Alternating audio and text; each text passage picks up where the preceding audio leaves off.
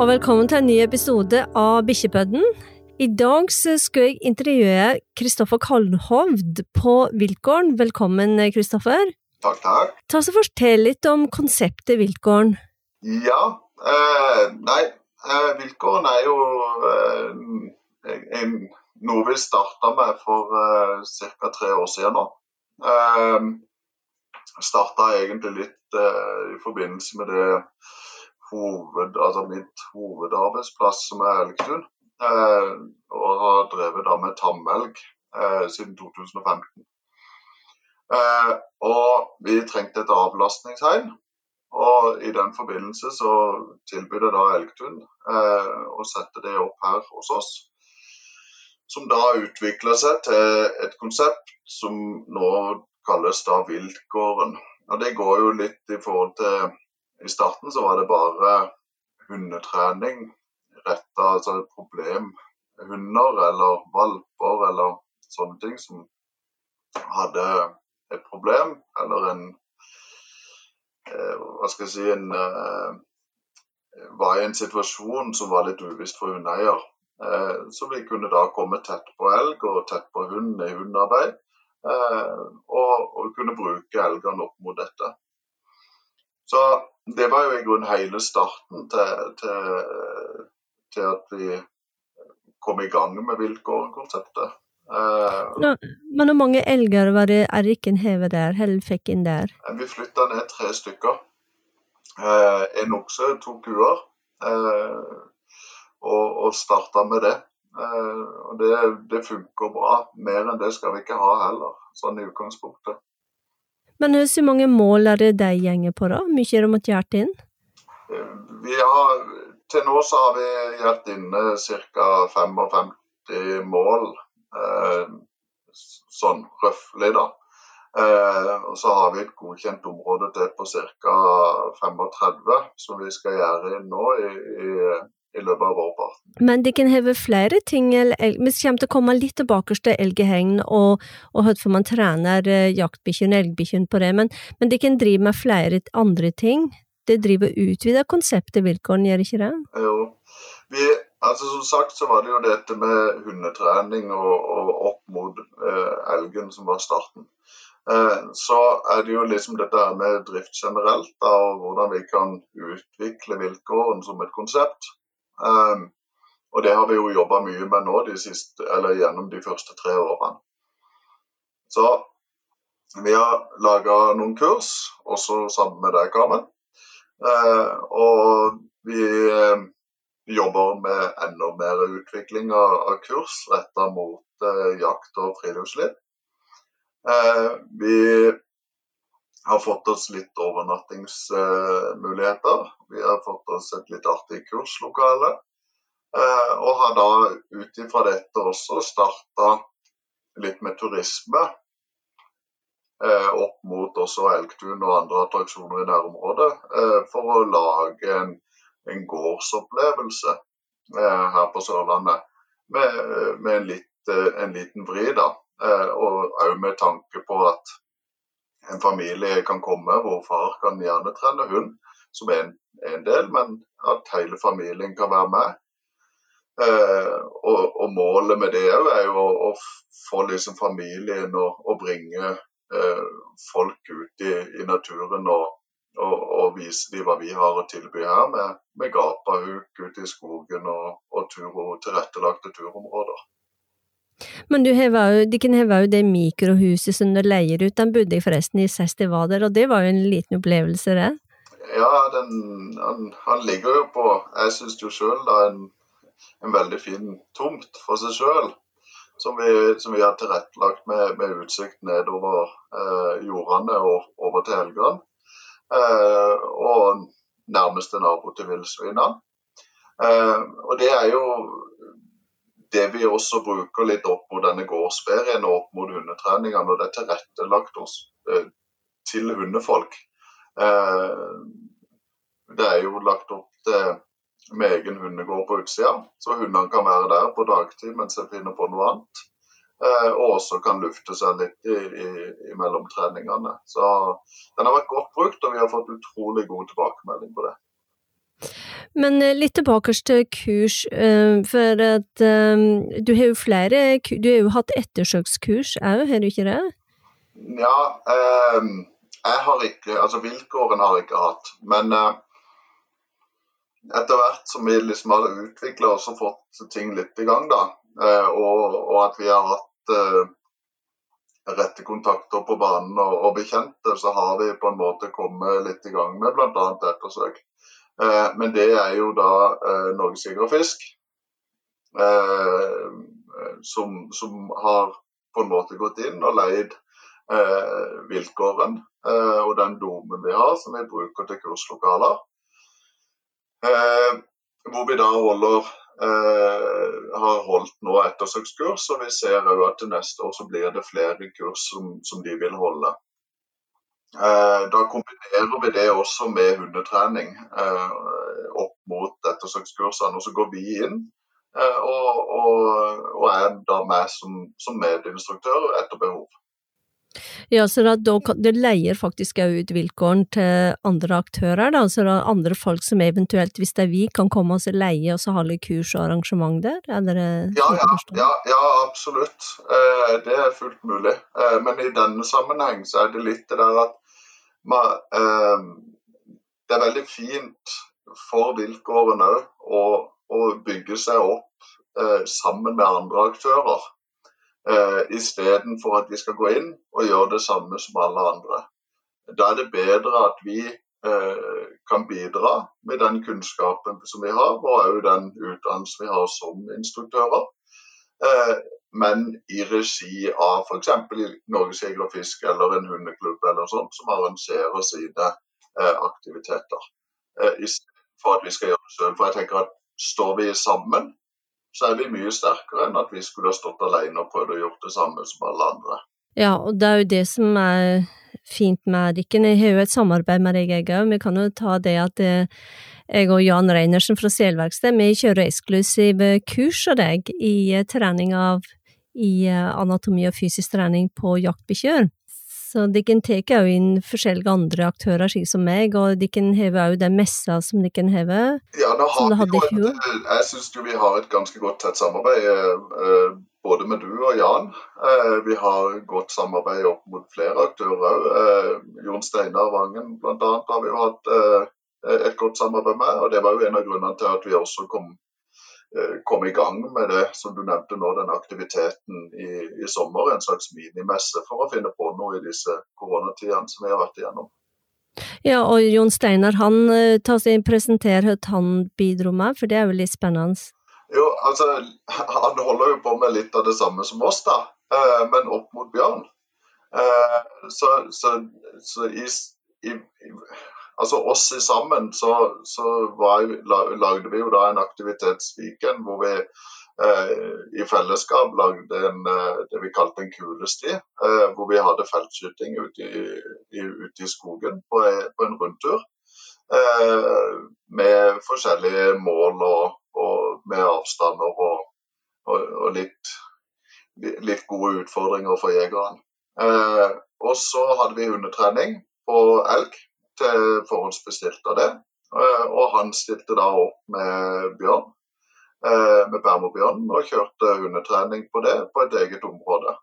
Eh, og så hadde vi da et, satt sammen et arrangement på, på plassen med, med, mat fra eget cateringselskap. Du var jo der med nordisk hundemassasje.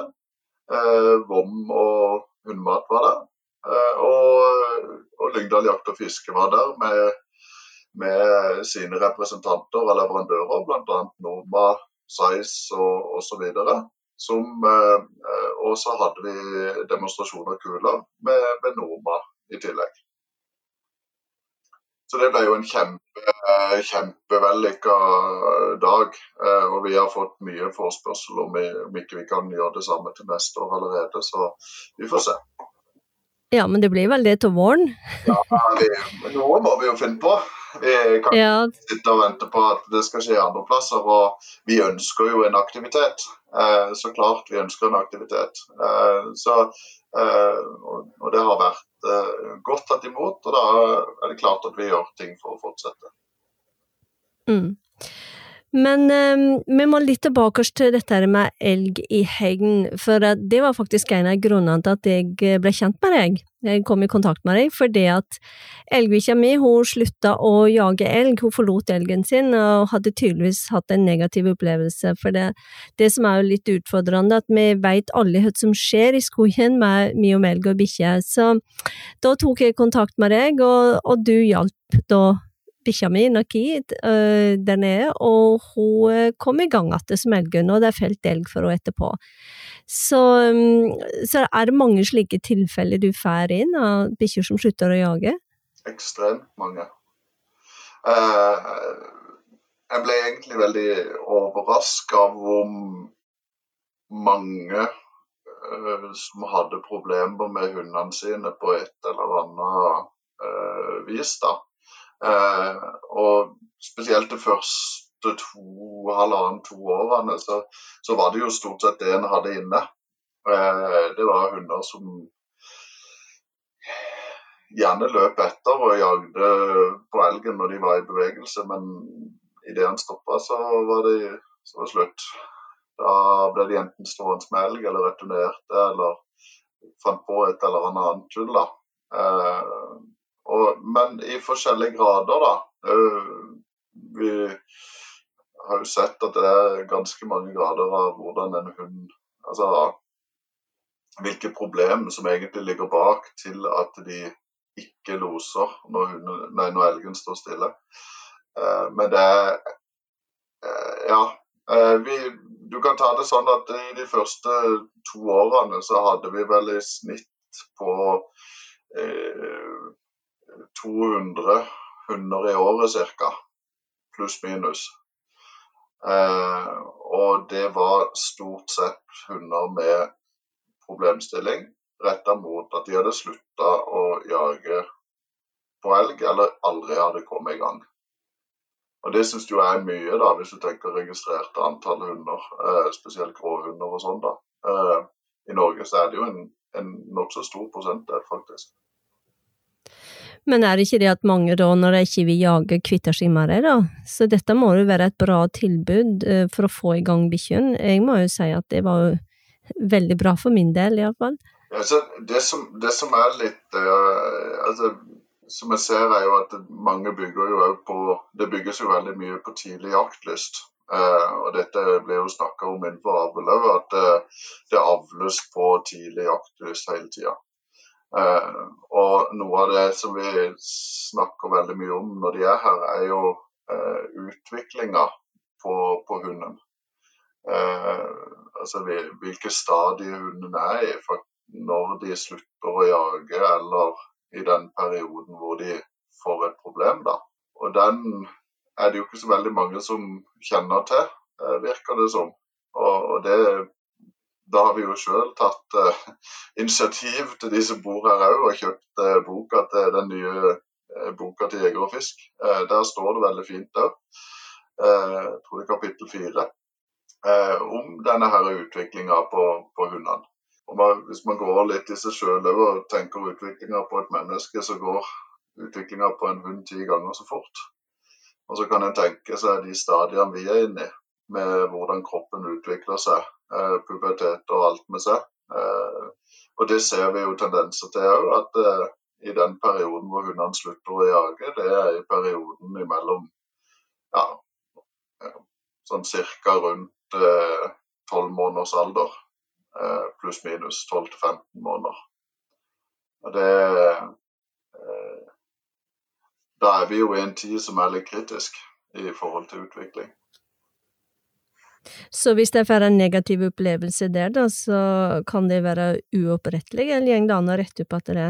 Nei, det går fint an å rette opp igjen, eh, og det har vi jo sett. Eh, resultatet av alle de hundene som har vært på besøk, så eh, jeg får veldig mye jeg spør om tilbakemeldinger. For det er jo noe av det vi Det er jo derfor vi holder på med dette. Det er jo eh, Altså målsetninger og grunn Eh, til, til vilkårene er jo egentlig å, å, å, legge grunnlaget bedre for gode jaktopplevelser både for hund og for eier. Eh, og det er jo for å hjelpe hunden opp og fram, men samtidig også eieren. Eh, og jeg ønsker jo tilbakemeldinger for, hva, for den treninga vi har gjort. Har vi gjort noe riktig, eller har vi gjort eh, eh, Har det ikke hjulpet noe i det hele tatt, osv. Ja, og, det, og, og tilbakemeldingene er jo at de fleste får vi faktisk i gang. Men noen må vi jobbe mer med enn andre. Eh, noen kommer liksom av seg sjøl hvis vi bare bruker tida, mens andre må vi liksom jobbe litt med. da. Og Det er jo en del av utfordringa, fordi at hver hund har, er jo hver sitt individ. Eh, alle er jo forskjellige. Men hvis du sier at for eksempel at jeg slipper ungbikkja mi ut i skogen på sitt første møte med elg, og så får den en negativ opplevelse, blir sparka eller et eller annet, er det vanskeligere å få i gang ei bikkje når den har hatt første møte med elgen negativ, kontra ei bikkje som har for eksempel jaga et år, og så får den en negativ opplevelse, og så slutter den å jage. Er det forskjell på det? Ja. Uh, først av alt så må vi jo gå litt i Altså eh, hundene har jo forskjellige syke som også mennesker har, på en måte. Så det er jo litt avhengig av det. Men eh, de må jo ha noe som altså Hvis ikke de har opplevd noe, altså hvis ikke de har opplevd at å jage på elg er gøy Hvis det første de møter er en negativ opplevelse, og spesielt i den perioden hvor de helst ikke skal ha noe negativ eller stor påkjenning eller belastning, eh, så så kan dette gå så inn på de at de blir redd for elgen. Det kan være, men, og det kan være andre ting òg. Vi har jo sett at uh, folk som har kommet, og, så, uh, og, og, en av de første gangene hunden var i elg, så hadde han jaga en stund og kom liksom i ganglos etterpå, etter elgen. Og så smalt det.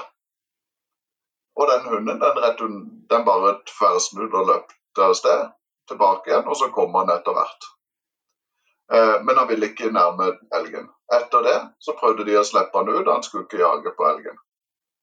Det betydde, og Da ser man en annen ting, en annen vri av liksom hele greia. Det trenger ikke å være en uh, negativ opplevelse med elg, men det kan være en negativ opplevelse på, på momentet rundt miljøtreninga og, og, dette med oppbygninga for å få en, en, god og stabil jakthund. For han hadde jo aldri opplevd noe smell. Så i forbindelse med smellet så var De trodde han var skuddredd, men han var jo blitt redd for elgen i det momentet der. Oh, ja. Interessant som, som, på en måte kan spille inn for at hunden faktisk er redd for elgen eller noe er galt. Eh, og i forskjellige grader. Så, men tilbake igjen til litt det spørsmålet som du sa òg, så er det liksom det med eh, klart at jo flere opplevelser de får, og spesielt i ung alder, jo bedre er det. det og, og, jo mer du som eier kan backe opp hunden og, og, og gjøre jaginga til en positiv handling så hunden har det gøy, eh, jo, jo eh, større sjanse for hvis han opplever en negativ eh, situasjon, så kommer han fortere tilbake igjen hvis han har flere positive hendelser før eh, det negative skjer.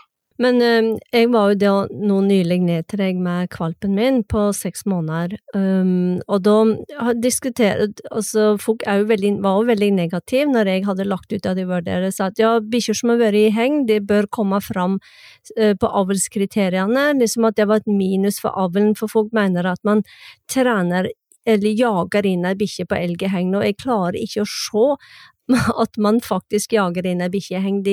heller tenker du rundt det? For det er jo veldig mye negative kritikere rundt det her med elgheng. Ja, men vi må, vi må, vi må prøve å skille dette med å jage inn. Altså definisjonen på innjaging, preging og, og, og de, altså, Man må legge litt grader. Å jage inn en hund tar lang tid. Det er vi alle enige om. Ja, og det er jo det som er at jeg prøver å få si, si til folk at du kan ikke jage inn ei bikkje i heng, men eh, ja, nei, du får forklare videre. Ja, ja men, men altså, det å jage inn en hund, og, og, få en hund opp og fram, det tar lang tid. Og jeg kan si med hånda på hjertet at å jage inn en hund i heng, så får du dårlig hund. Eh, enkelt og greit. For den eneste måten å få fram en god hund er å være mest mulig i naturen og i skogen. Men i henhold til hundens utvikling og måten du skal bygge opp valpen eller unghunden din på, så kan du gå inn og gjøre en del momenttreninger i hegnet. Som du også gjorde når du var nede. Trente på kontakt, du trente på lydighet. Du ga hunden trygghet, og du støtta han opp. Og vi så at hunden, fra å være litt skeptisk og egentlig var Du hørte at det var litt sånn knurring og boff, altså det var usikker handling da, når han jobba med elg, til at dette ble gøy. Du så leken, altså bevegeligheten i hunden, så du leken i. Så gøy. Så det er den veien der. Og da sa jeg til deg etterpå dette var bra, vi fikk han fram, dette ble positivt, vi fikk jobba på de momentene du ønska, og nå veien videre, det er kun å være ute i skogen.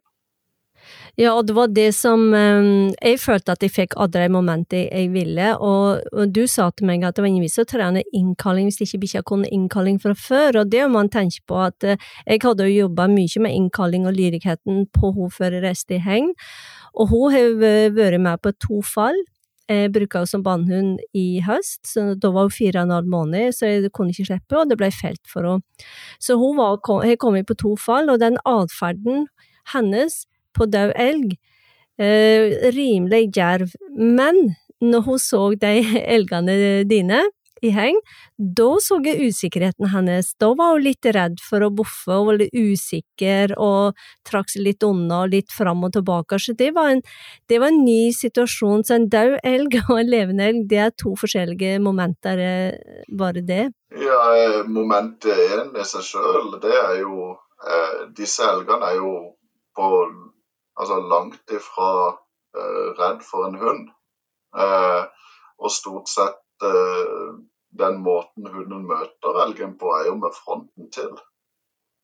Og Det er jo en ting som en liksom skal tenke litt på. Det er en ganske sterk utfordring å face elgen. Det er ikke alle hunder som vil stå foran elgen. De står gjerne bak eller på sida.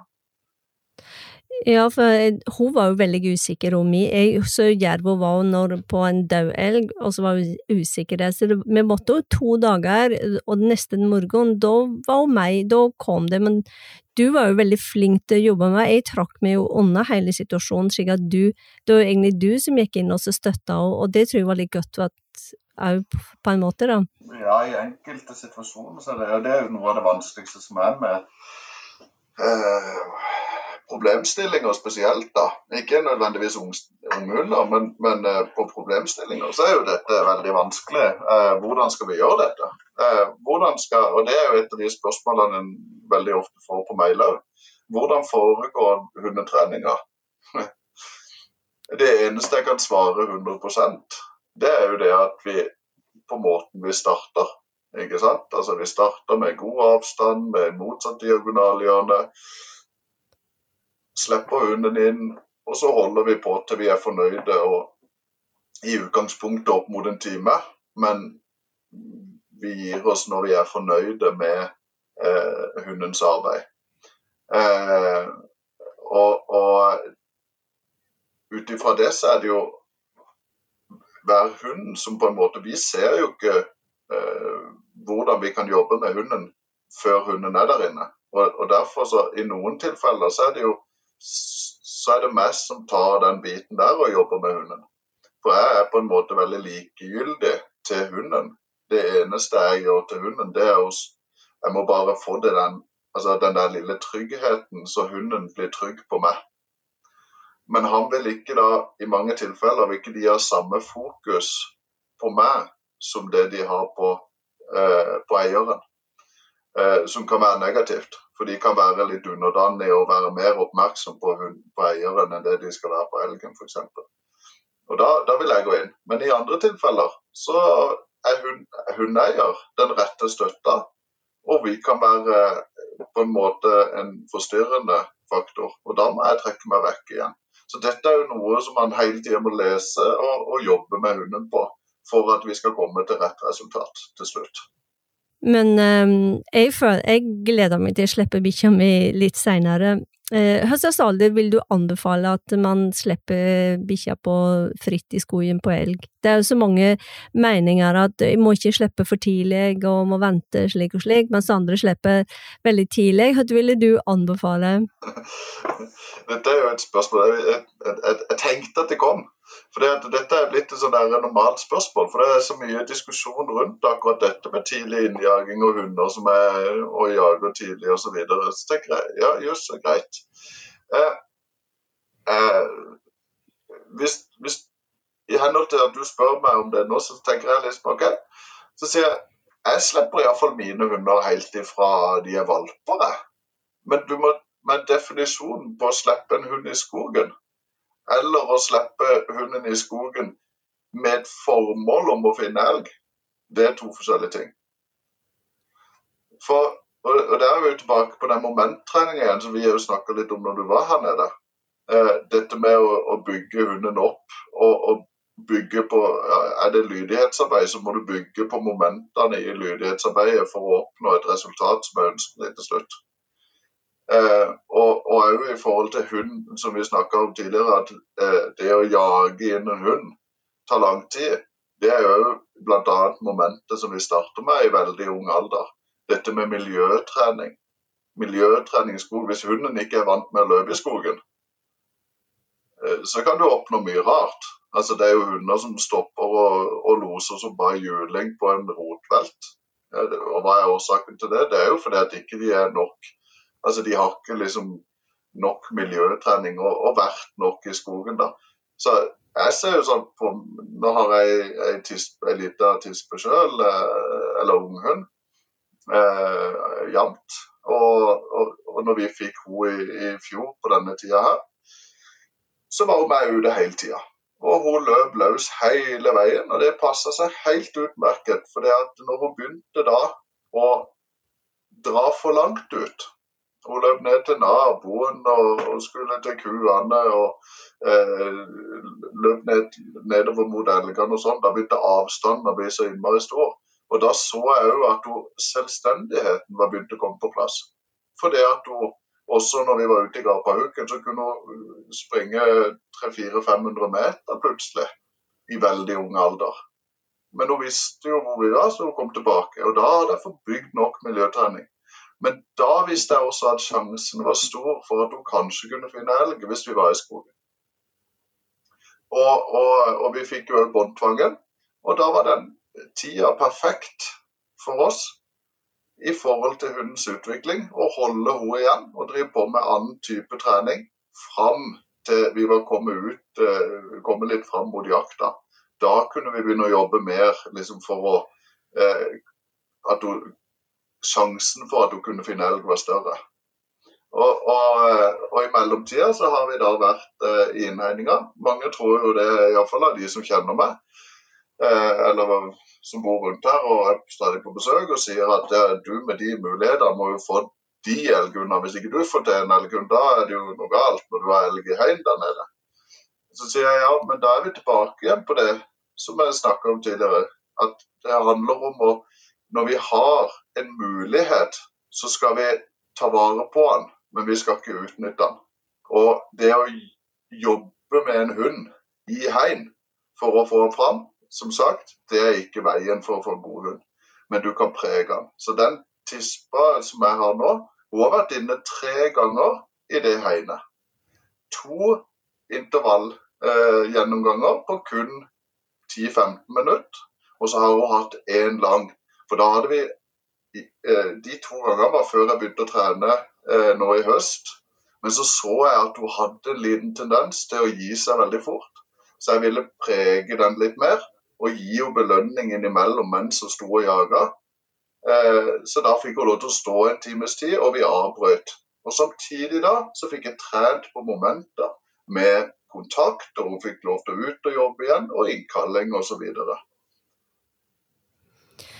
Ja, og det eh, jeg, jeg har jo gjort det med meg, akkurat som du sier, prega, sprunget rundt i skogen og fjellet siden jeg var liten, og så begynner jeg å merke liksom nå, etter at hun har vært med på Elgfallen, så jeg var liksom eh, Og etter jeg var nede hos deg, så tenkte jeg at jeg må vente litt nå, for jeg tror hun kommer til å stikke i vei når hun kjenner lukten. Hun viser allerede interessen. Men hun er jo bare seks måneder, så liksom skal, skal ikke, det er vel det man tenker på om man skal vente til hun er litt mer moden før jeg slipper i skoen i tilfelle hun kan finne elg. Tenker du på det? Jeg, altså, jeg tenker at altså, uh, Hun har jo fått en del opplevelser med elg som er veldig artige. Uh, hun har også uh, tryggheten rundt seg, og mest sannsynlig så vil hun søke kontakt til det også underveis. Og, og, de skal få lov til å utforske og, og kjenne på det. Men, men, igjen så er det jo det fokuset mitt, hvis jeg hadde hatt den valpen nå på seks måneder, det hadde vært å gå opp i skogen og trent på, på dette, med, eh, dette med søksarbeid, ikke sant. Eh, og finner hunden da en, en, elg og har lyst til å gjøre noe, løpe etter den eller kjefte litt på den, så er jo det bra. Men det hun skal vite, er at jeg sitter der som, eh, som eh, hun reiste ifra meg. Sånn at hvis hun finner en elg og, og loser litt på den og kommer tilbake igjen, så finner hun meg. Og det har jo med tryggheten å gjøre. Så, så hvis hunden er klar for det, så, så, så vil nok den ut og jage. Og er mentalt sterk nok eh, og, og, får en aha-opplevelse, så vil han også komme tilbake igjen. Men det kan godt være at eh, det kan ta lang tid. Og det er jo litt det vi på en måte jobber litt med, da.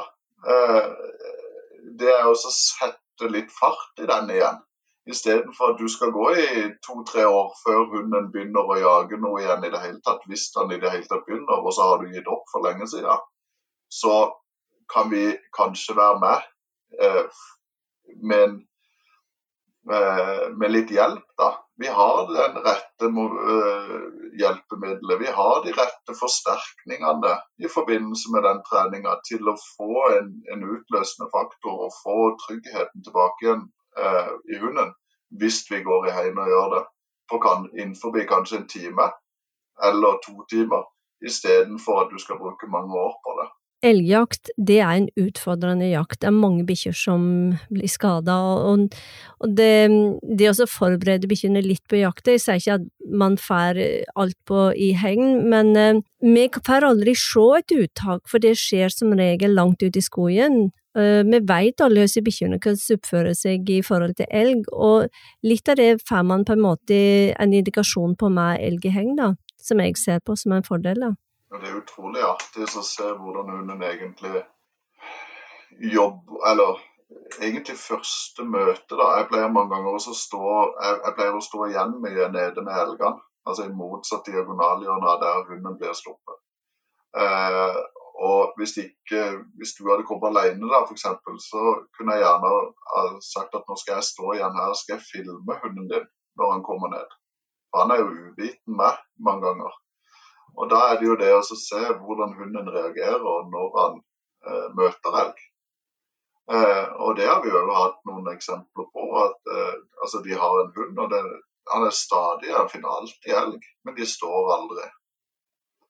Eh, og da er det liksom, Så hører de rundt forbi, ja, for det er mange elger som bare springer og springer. ja, Det er typisk år i år osv. Og, så og så viser det seg at den, den hunden er beintøff. Han løper rett på og hopper rett i gjerdet på, på elgene der nede. Og det er klart at hvis han gjør det i skogen, eh, så vil de nok løpe en liten stund.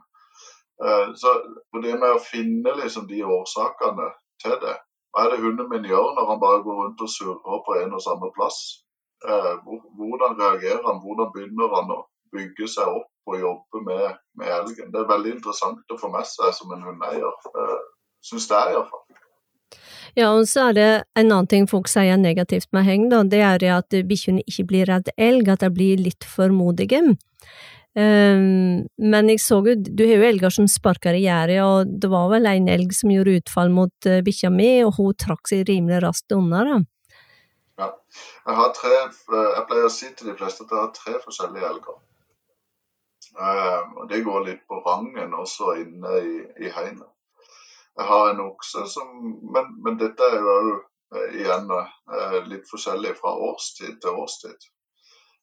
men jeg har som sagt tre stykker. Jeg har en okse. Han syns det er av og til veldig gøy å leke med, med, med hundene. Så han kan gjerne finne på å springe litt langs heiene. og, og hundene etter. Så har jeg ei kuene. Hun bryr seg overhodet ikke. Hun kan gjerne bare stå stille eller gå og legge seg en plass eller et eller annet sånt. Og så har jeg ei som er litt, uh, litt tøff. Og, og, ikke det at hun er nødvendigvis kjempetøff, men hun, er, hun prøver å være den tøffe i flokken. Men også hun prøver å sette hundene litt på plass. Så hun kan gjerne gjøre en del utfall mot, mot gjerdet, mot hunden. Og hun kan òg finne på å sparke.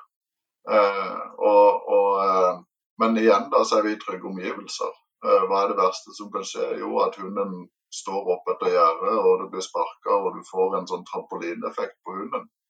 Eh, absolutt det verste er at, at hunden også blir truffet akkurat der og da, men det blir mye mildere enn hvis de er i skog, da. Og det har aldri skjedd til nå. Eh, men da, da, men da lærer, ja, da lærer bikkja litt respekt òg, da? Ja, den gjør det.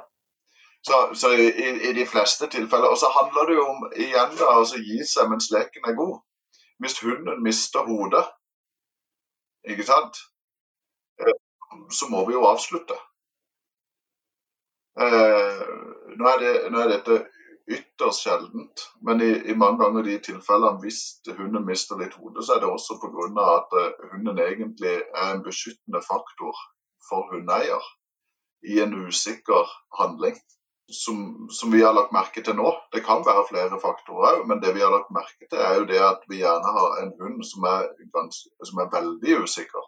Og så har vi fått den i gang. Så ser du det at hunden på en måte Eh, han, han, er, altså han, han, skal være tøffere enn det han egentlig er, da. Eh, og det vil si at han vil også utfordre elgen. Eh, så han går litt ut av sitt eget, egentlig. Eh, og da er han en beskyttende faktor for, eh, overfor eier. Eh, han skal beskytte eieren sin. Så hvis vi trekker oss bort og helt ut, så får du en helt annen Enten så driter han i elgen og gidder ikke å jage på han i det hele tatt, eller så, så begynner han å jobbe mer normalt med han. Det ser vi òg, det, det, er jo det som er viktig. Det er jo veldig viktig for hvordan vi egentlig jobber med hunden i heiene også. Eh, jeg vet ikke om du så det når, var, når du var nede òg. Altså det med hvis, eh, når vi kommer inn, hvis vi har vært borte ute av hegnet og kommer inn, så ser du òg på hunden at han eskalerer litt og jobber enda mer med Han syns det er enda kulere. Han skal tøffe seg litt og vise seg litt for oss som kommer. Og så jobber han mer normalt når vi er, når vi er borte. Hvis vi er inne og jobber med, med, hunden, så i de fleste tilfeller så vil hunden alltid gå foran hundeeier og jobbe. Han vil ligge i front. Uh, en usikker hund vil gjerne begynne altså Jeg har hatt hunder som har satt seg ned på fua imellom. Når jeg har sittet på huk, så setter han seg ned mellom beina på meg. Og der kommer første utløsende faktor.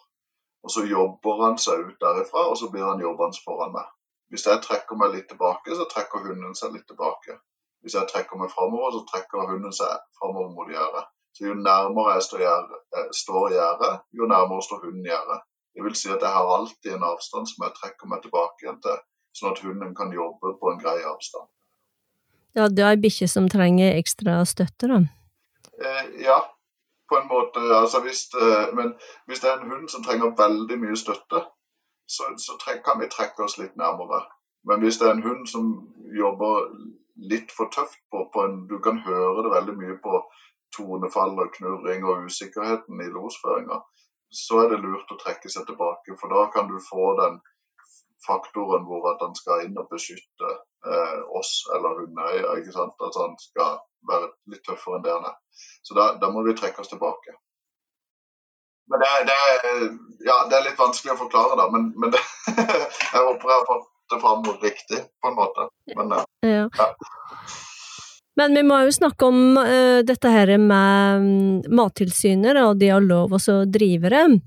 Uh, og vi tok òg og pulsmåla elgene sammen med Jan Reinertsen uh, for å se om elgene ble veldig stressa i denne situasjonen. kan du fortelle litt om det? Ja. ja vi hadde jo denne pulsmålinga for å måle litt For å måle både ja, stressnivået og òg uh, for å få et litt mer innblikk i, i, elgen, for min del, som jobber med det hele tida. Litt å se hvilepuls og hvordan eh, alt er i forhold til bevegelighet og hvordan hunden, nei, elgen er på innsida. Eh, og resultatet ble jo fantastisk bra. I, I, forhold til til stressnivået. Eh, som Jan òg sa, så, så, var det overhodet ingenting som tyda på noe negativt stress i det hele tatt på de elgene som ble testa. Eh, og den kan du Den ligger vel ute på alle, eh, både på YouTube og våre kanaler. Både dine òg, gjør ikke det, Carmen? Ja, den, jeg filma denne den pulsmålingen på elg, uh, og den kan ikke se på YouTube-kanalen til Carmen G. Kadim, så kan du se den filmen. Og intervjuet med både Kristoffer og med Jan, så de intervjuer begge to, og konklusjonen til Jan i, i forhold til det. Så det er veldig interessant å, å se og høre, altså vi snakker om dyrevelferd, og det er jo det man er opptatt etter, at alt blir gjort på en bra måte, og det var godt å vite at elgene ikke ble stressa i det hele av, i den situasjonen. Ja, og så skal det egentlig tilføyes litt over at elgene er trygge. Altså, eh, det er jo en bakgrunn til disse elgene eh, for at de i det hele tatt er så trygge som vi kanskje fikk eh, utslag på på den testen. Eh, men samtidig så får du også en veldig Det er jo kjørt eh, Jeg vet at det er kjørt sånne tester på, på ville elger òg, for å se litt på, på, stressnivået til en vill elg eh, eh, i natur hvor hun loser. Eh, og det er ikke noe stort der heller, men det er en liten forskjell, da. Eh, men elgene er jo tilbake altså i forhold til testen og, og hele Mattilsynet og godkjenninger, så er det jo det at elgene er i et fritt område som er stort, og de kan trekke seg vekk til hver en tid. Eh, men de forbinder egentlig hele dette her med, med selskapelig kontakt. da. Eh, og Det ser vi jo hvis vi er inne med en, en, hund og det bare kommer én elg ned. Så kommer de etter hvert, når de begynner å høre hunden eller bilen eller et eller annet. De, de vet òg hva som skjer der nede. Uh, og dette er jo òg elger som er fostra opp av mennesker. De er jo vant med alt. De flytter seg ikke om jeg kommer inn med en gravemaskin eller en traktor eller skal rydde, og så er man nesten dytter de bort. For de er så vant og de er så miljøtrent på, på det vi holder på med også. Uh, at, uh, men det var en utrolig god bekreftelse å få eh, som du sier, opp mot dette med dyrevelferd. Men det skal da sendes inn til dyrevelferden også til hundene og som, som til elgene under alt. Ja, er det noe mer du vil si rundt eh, det her med vilkårene og elgehegn, Kristoffer? Er det noe mer vi bør ha med? Nei, eh, jeg tror vi har fått prate om ganske mye. Eh, men det, jo, det jeg tenker litt på, er jo at altså, har, er det noen spørsmål der ute òg i forbindelse med vilkårene og det vi, det vi driver på med? Så vi, vi har jo ei uh, vi har jo ei, nettside som vi jobber med kontinuerlig. Uh, der står det en del om det som er med gårdsferie, som vi kan tilby. hundetreninger, aktivitetskalenderen, den kommer vi til å jobbe mer med. Eh, etter hvert som vi begynner å planlegge neste år og ser hvordan disse restriksjonene eh, blir. Du har en egen bookingside du kan gå inn. Eh, booke tider både for overnatting og hundetrening og aktiviteter som kommer på aktivitetskalenderen. Du kan gå inn og lese litt om oss. Det står veldig mye om både meg og Eva og hva vi har gjort før og, og det vi holder på med og driver med. Eh, og så har du jo våre eh, Facebook-side og, og Instagram-side som vi prøver å legge ut litt eh, eh, fra det daglige som vi stadig jobber med. da. Eh, og, og hundene som vi har. Så gjerne følg med der og gå inn og se. Det er Viltgarden, viltgarden.no som du kan gå inn på og se litt mer på, på hva vi egentlig holder på med. Ja, det er veldig bra, så da fyrer ikke med vilkårene både på Instagram og på Facebook, og så er det nettsida. Ja.